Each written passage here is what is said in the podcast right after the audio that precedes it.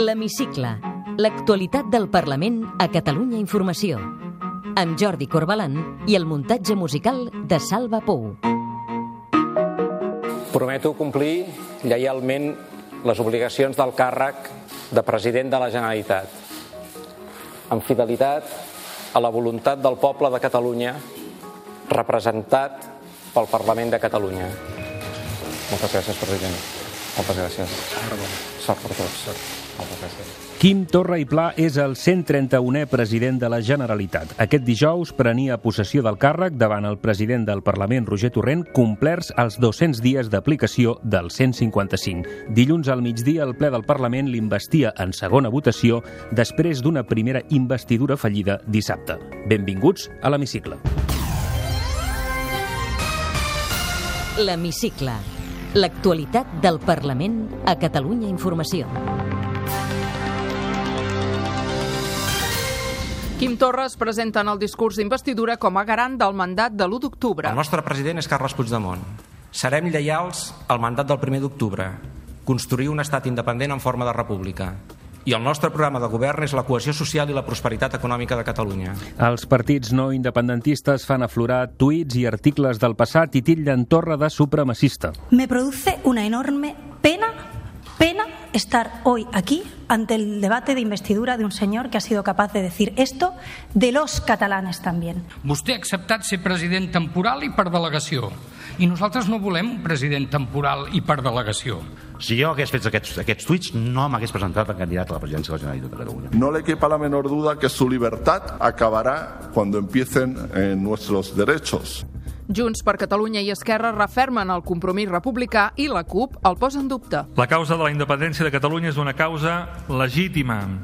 La causa de la República Catalana és una causa honorable. No ens hi podem trobar sols. Els qui vam defensar l'1 d'octubre hi hem de ser tots junts. Sigui quina sigui l'opció, serà una opció per la independència i per la república. I avui a l'hemicicle conversem amb el diputat del grup parlamentari de Ciutadans, Nacho Martín Blanco.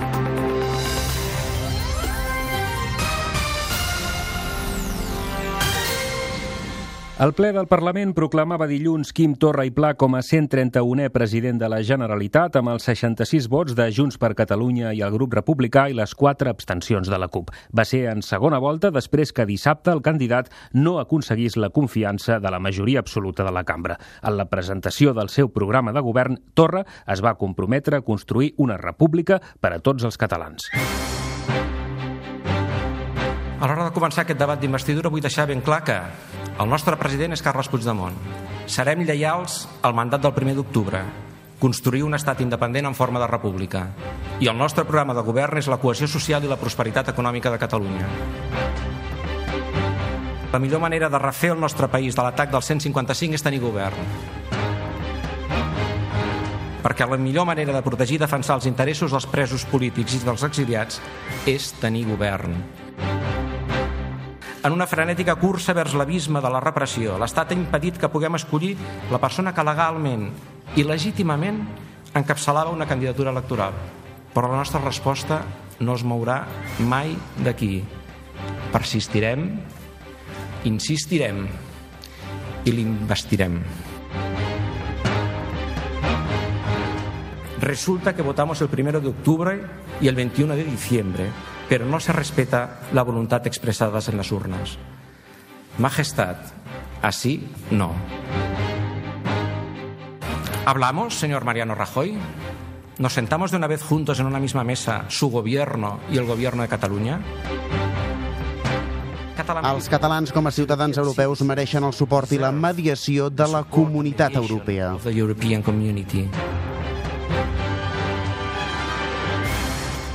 Tenim una oportunitat única que pocs països tenen a la seva història. Aprofitem-la. Dissenyem des de zero, entre tots, sense priorismes, el país on volem viure i com hi volem viure. Fem-ho radicalment. Anem a l'arrel dels problemes, amb una visió disruptiva del règim autonòmic, és clar, que ens arrossega la residualització i que s'ha demostrat inviable per les ambicions d'un país que aspira a més, a més, a molt més aspira a tant que ho vol tot. L'Hemicicle. El Parlament a Catalunya Informació. Quim Torra el van elegir amb els vots de Junts per Catalunya i del grup republicà i l'abstenció de la CUP, que se situa a l'oposició. Ho expliquem amb Montse Garcia. Eduard Pujol, portaveu adjunt de Junts per Catalunya, es va dirigir al govern espanyol i va demanar quan aixecarà el 155. El president del grup republicà, Sergi Sabrià, deixava clar que la nova república ha de ser per a tothom i el copaire Carles Riera va avisar Quim Torra que serà en oposició activa. Senyor Rajoy, senyor Rivera, senyor Sánchez, els tres tenors, si van ser valents per imposar una norma injusta, siguin valents ara i compleixin la paraula donada. Facin el favor, no s'adormin, no ens prenguin més el pèl i aixequin el 155. Si us plau, dia i hora. Quan aixecaran el 155?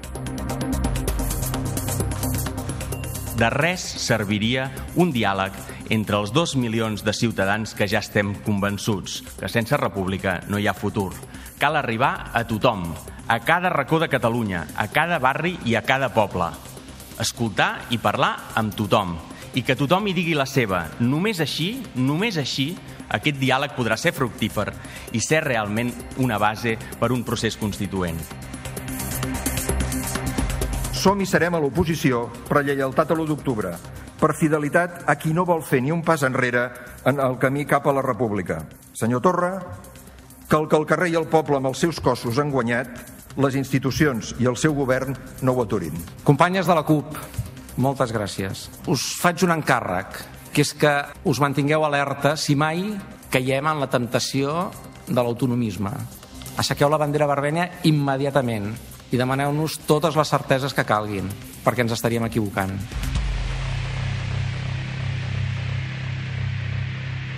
Els partits no independentistes van criticar durament Quim Torra. Ciutadans, el PSC, els Comuns i el Partit Popular li van retreure el contingut d'alguns tuits i els articles que havia escrit en el passat. El van acusar de tenir un plantejament supremacista i xenòfob i de deixar de banda la meitat dels catalans.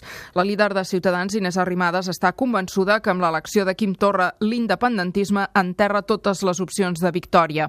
El socialista Miquel Iceta va pregar al nou president que no arrasi l'autogovern. Des dels comuns, Xavier Domènech pronostica una curta durada al nou executiu i el popular Xavier García Albiol va deixar clar a Torra que no hi haurà diàleg amb Rajoy si és per trencar Espanya a bocins. Tenemos al frente de la Generalitat de Cataluña a una persona cuya ideología queda perfectamente clara a través de sus artículos. Una ideología que defiende la xenofobia, que defiende una, una identidad excluyente, que defiende el populismo. No, no són, no són seis tuits. No són seis tuits. Lamento que unes piolades tretes de context, adreçades al govern de l'Estat, hagin pogut ofendre ningú. No em sap greu reiterar-m'hi, perquè de cap manera era la meva intenció que ho fos. També em sap greu si en algun moment, fruit de la intensitat que demana el periodisme, hagi pogut utilitzar alguna paraula inconvenient. Me'n penedeixo i no tornarà a passar. Voldríem que la seva presidència fos la zona zero de les nostres institucions d'autogovern. No voldríem que el mal ús de les institucions arrasés el nostre autogovern. L'únic a qui dec obediència és el poble de Catalunya i, per tant, aquest Parlament. Sempre li respondré el mateix, a la voluntat dels catalans. Sempre li respondré el mateix. Em pregunta per la condició política dels catalans. I catalans són 7 milions i mig de catalans. I no ha contestat encara. I quan un no contesta, espero que ho faci ara, porta molt fàcilment a pensar que és que no vol contestar. O que si contestés, sap que no podria ser president de la Generalitat de Catalunya. Sí, és català tot aquell que viu i treballa a Catalunya. Sí, som un sol poble.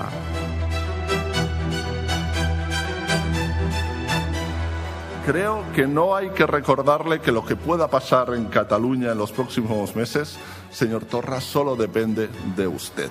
Señor Torra, si piensa seguir por el camino que ha señalado esta mañana, no le quepa la menor duda que su libertad, como le dije el pasado sábado, acabará cuando empiecen eh, nuestros derechos. Vostè avui ha tornat a acabar el seu discurs com va acabar l'altre dia. I jo no sé si vostè ja m'està amenaçant, eh, però a mi no em fa cap mena de por. És que no ens fan por aquestes amenaces. És que ja les hem superades, aquestes amenaces. En acabar el torn de rèplica es va fer la votació. Aquest era el moment que el president del Parlament, Roger Torrent, proclamava el resultat de la investidura. 66 vots sí, 65 vots no i 4 abstencions. Atès, doncs, que el senyor Quim Torra i Pla en aquesta votació ha obtingut 66 vots, que signifiquen la majoria simple que estableix l'article 4.4 de la llei de la presidència de la Generalitat i del Govern, resta investit president de la Generalitat de Catalunya. Agrair-los a tots vostès doncs, aquesta votació i al president Puigdemont per la seva generositat, per la seva acte de responsabilitat i perquè, i perquè l'investirem. I al poble de Catalunya, a qui voldria acabar amb les paraules que per mi eh, ho han representat tot en la meva trajectòria política, que són les paraules que va dir Carrasco i Formiguera just abans de morir i que és un crit que m'agradaria que la cambra compartís amb mi. Visca Catalunya lliure.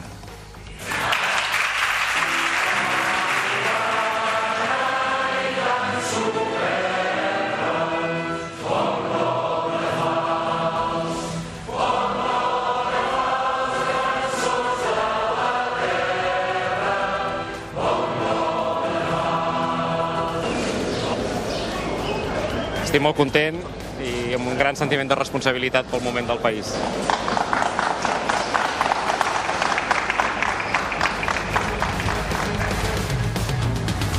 L'Hemicicle. L'actualitat del Parlament a Catalunya Informació. I l'endemà de la investidura al Parlament, el president Quim Torra va viatjar a Berlín per reunir-se amb Carles Puigdemont. El mateix dia, Mariano Rajoy citava a la Moncloa el líder del PSOE, Pedro Sánchez, amb el rerefons de l'aixecament del 155. I aquest dijous, Rajoy rebia també el líder de Ciutadans, Albert Rivera.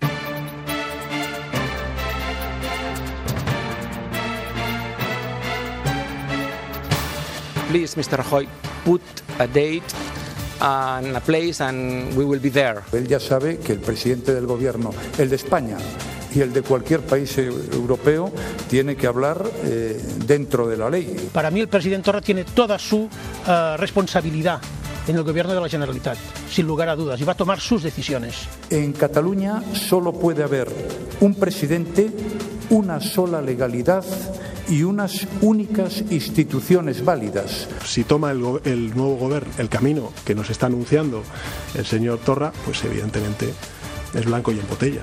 Se aplicará el artículo 155. Con contundencia, por supuesto, claro que sí. Creo que ya no es momento ni de contemplaciones ni de buenismos, sino es momento de actuar de manera efectiva, serena, tranquila, clara, de la mano. No vamos a aceptar estas, estas condiciones, vamos a ver cómo, cómo, lo, cómo lo gestionamos, cómo lo denunciamos, cómo lo tiramos adelante. L'Hemicicle. Ciutadans i el Partit Popular han demanat a la mesa del Parlament que revoqui el vot delegat del diputat Toni Comín després que dimecres la justícia belga va rebutjar la seva entrega a Espanya i la de Lluís Puig i Meritxell Serret. Els vots delegats de Puigdemont i de Comín han estat decisius per investir Quim Torra. La decisió de la justícia belga va agafar la germana de Toni Comín al Parlament. Batona Comín, juntament amb les dones de Joaquim Forn i de Josep Rull, Laura Masvidal i Meritxell Lluís, es van reunir amb el president Torrent per parlar del pacte democràtic per les llibertats. Totes tres, que formen part de l'Associació pels Drets Civils, estan esperançades que decisions com la de dimecres permetin trobar una sortida a la situació dels presos i dels polítics a l'estranger. Té una transcendència molt, molt important amb tot el procés judicial que estem vivint. Home, una, una gran alegria. Ell, la consellera Serret, el conseller Puig i tots, el president Puigdemont, tothom està molt content, per suposat. La notícia del matí doncs, és esperançadora perquè tot evidencia que les coses s'han de fer bé, que la justícia ha de funcionar amb, amb, uns, amb uns criteris i per tant doncs, això dona esperança i el que hem vingut a fer aquí al Parlament doncs, també ens en dona perquè obrir l'espai de diàleg, perquè hi pugui haver un diàleg polític però des de baix per nosaltres és bàsic. Que hi hagi un, un president això hauria de poder ajudar. Estem parlant d'un conflicte polític, per tant, ha d'haver-hi diàleg polític, la sortida ha de ser política. L'Hemicicle. L'actualitat del Parlament a Catalunya Informació. El pati de la Biblioteca del Parlament acollia dimarts l'acte institucional del Dia contra l'Homofòbia. El president Roger Torrent es va comprometre a treballar des del Parlament per desplegar la llei contra l'homofòbia aprovada fa quatre anys. Els assistents a l'acte van quedar colpits amb la intervenció de l'Estel, que va parlar en nom de Crisalis, l'Associació de Famílies de Menors Transsexuals. Estic contenta de que quan vaig al metge m'anomenin pel meu nom i no pas amb el de naixement. Però això no passa amb el DNI. Jo no en tinc. Els meus germans sí. Jo no vull tenir un DNI amb el meu nom antic. M'agrada viure com a nena. Ja no em disfresso. Vaig llançar les sirenites. No haig de demostrar qui sóc. Bé, pel canvi de nom que encara no tinc, vaig haver d'explicar per què sóc una nena. Algú de vostès ha explicat alguna vegada per què és home o dona? L'Hemicicle. El Parlament a Catalunya Informació. Nacho Martín Blanco, diputat del grup parlamentari de Ciutadans. Benvingut a l'Hemicicle. Què tal, Jordi? Gràcies. Bé, això dels 100 dies de cortesia en el cas del president Quim Torra sembla que no, que no els tindrà, si més no, per part del principal partit de l'oposició. Realment és complicat, perquè, clar, el Quim Torra, el senyor Torra, arriba a la presidència amb uns antecedents que, que és complicat deixar de banda eh, en aquest començament de, de legislatura eh, efectiva.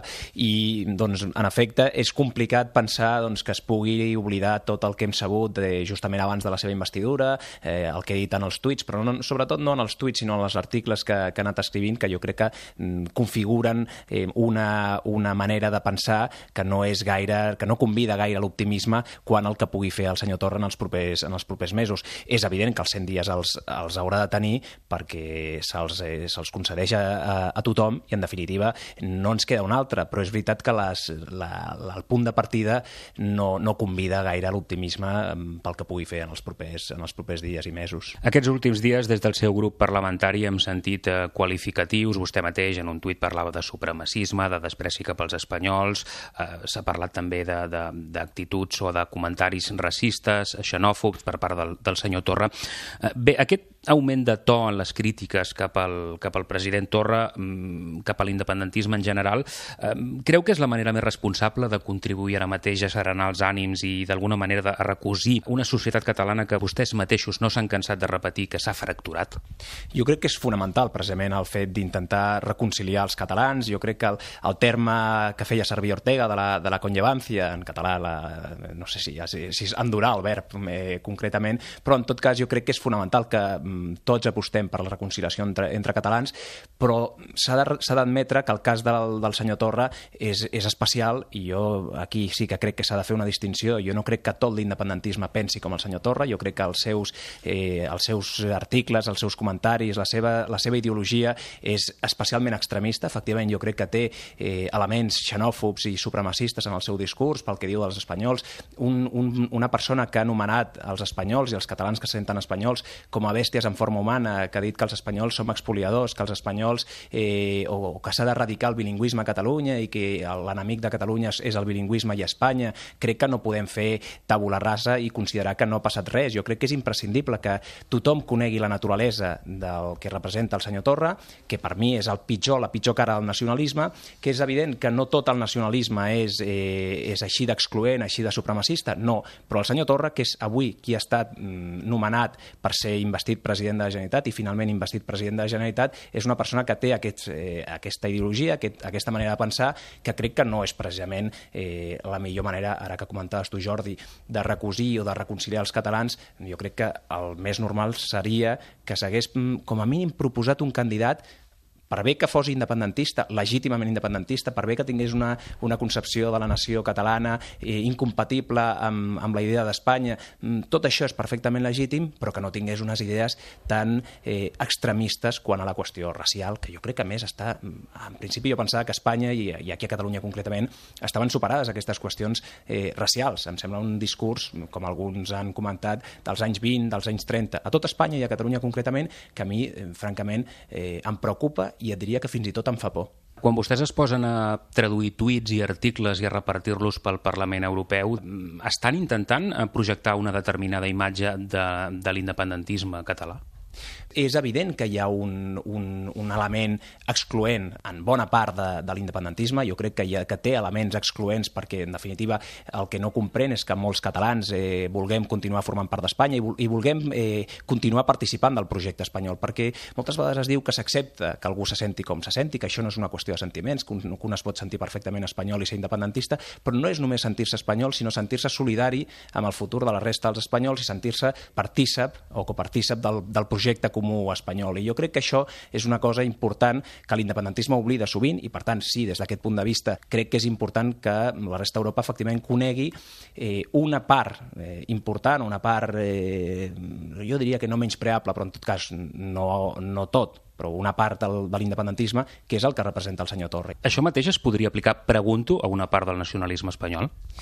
Sens dubte el nacionalisme és sempre excloent. Una persona que tingui una concepció de la, de la realitat política nacionalista sempre voldrà excloure aquells que no pensen com ell o que no entenen eh, la nació, la, la que sigui, eh, com ell. Ara, també és cert, Jordi, que eh, jo crec que en l'Espanya d'avui eh, el nacionalisme espanyol és, per sort, una cosa bastant residual. Jo no crec que hi hagi un partit eh, nacionalista nacionalista espanyol que tingui unes idees, eh, o crec que estic en, en disposició d'afirmar que no hi ha cap partit a Espanya que tingui unes idees comparables, equiparables a les del senyor Torra. Jo estic convençut que si en el conjunt d'Espanya hi hagués hagut un polític que hagués fet declaracions semblants a les que ha fet el senyor Torra sobre altres col·lectius i, per descomptat, sobre els catalans, doncs jo crec que això mm, inhabilitaria qualsevol polític de la resta d'Espanya per fer política, ja no per ser president d'Espanya, sinó per representar eh, cap col·lectiu i, i per exercir qualsevol càrrec públic. Per això cal perpetuar o reactivar el 155 com li ha demanat Albert Rivera Mariano Rajoy?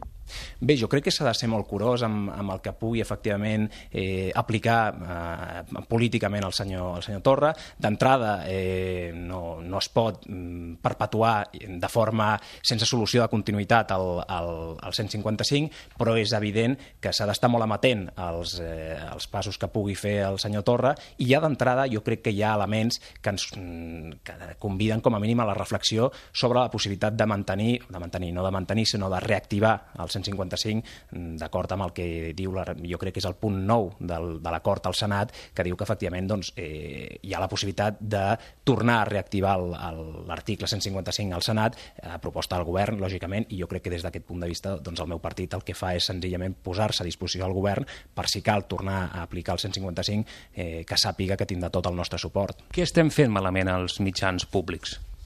Doncs jo crec, mm, concretament, en general, jo crec que els mitjans de comunicació mm, tenen una gran, una gran responsabilitat en la, en la conformació de l'opinió pública i és evident que també feu coses ben fetes, per descomptat. Hi ha molts, molts, programes, molts programes que fa, eh, fa goig escoltar o veure a la televisió pública, però és veritat que eh, d'un temps ençà els mitjans de comunicació eh, públics de Catalunya, a parer meu, s'han convertit en una part més de l'engranatge independentista i en molts casos fins i tot en, en, en caires de, eh, de propaganda. Jo crec que eh, hi ha mm, tertúlies, per exemple, a TV3, que mm, tenen un problema eh, preocupant de falta de, de pluralitat. Mm, eh, ahir, sense anar més lluny, jo sentia la, els matins de TV3 i escoltava el senyor Joan Beculla, un historiador eh, que, en, que en el seu moment fins i tot a mi em va semblar un historiador de prestigi, però és que ahir deia una cosa que alguns han normalitzat que em sembla absolutament esparverant.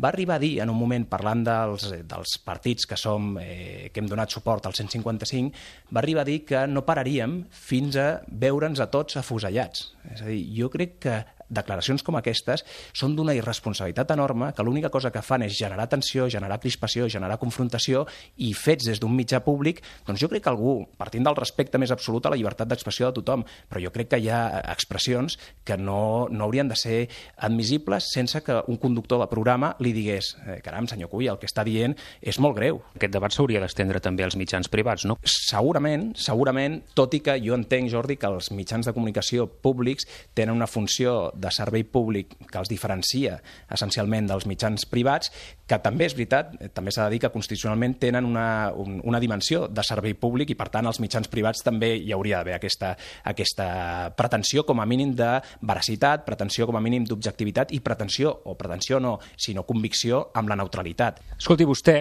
que és periodista també, ja té molta experiència en els mitjans de comunicació, com, com escoltem. Eh, però, vist des de l'altre costat, això del salt a la política, mm, ha anat com s'esperava? Mm, què l'ha sorprès més? Home, eh, realment, clar, ha estat un aterratge potser massa suau, eh, Jordi, perquè arribar i tenir cinc mesos sense, sense govern, efectivament, una de les principals funcions d'un par Parlament és sempre la, el control al, a l'acció del govern i aquesta, aquesta pota de la, de, la, de la feina parlamentària mm, fins ara no l'he viscuda. La vida parlamentària, doncs, òbviament té grans diferències amb el que, amb el que es veu des de fora o, o elements que no esperaves que fossin d'aquesta manera, tot el que és el, eh, doncs el rigorisme o els rituals de, de la vida parlamentària quan el, els vius des de, des de dintre, doncs en part sents una, un, una certa emoció perquè són coses que has vist tota la vida i que, i que n'has volgut formar part i tens una, una il·lusió per, per això i d'altra banda també hi ha coses que acabes desacralitzant o, o, o, des, eh, o desvirtuant fins i tot perquè no eren el que, el que podies esperar. Nacho Martín Blanco, diputat del grup parlamentari de Ciutadans, un dels principals fitxatges de Ciutadans a les, a les eleccions del 21D. Gràcies per acompanyar-nos avui a l'Hemicicle. Gràcies a vosaltres, Jordi. Podeu tornar a escoltar l'Hemicicle al web catradio.cat barra hemicicle o al podcast del programa i seguir l'actualitat del Parlament al perfil de Twitter arroba L-hemicicle.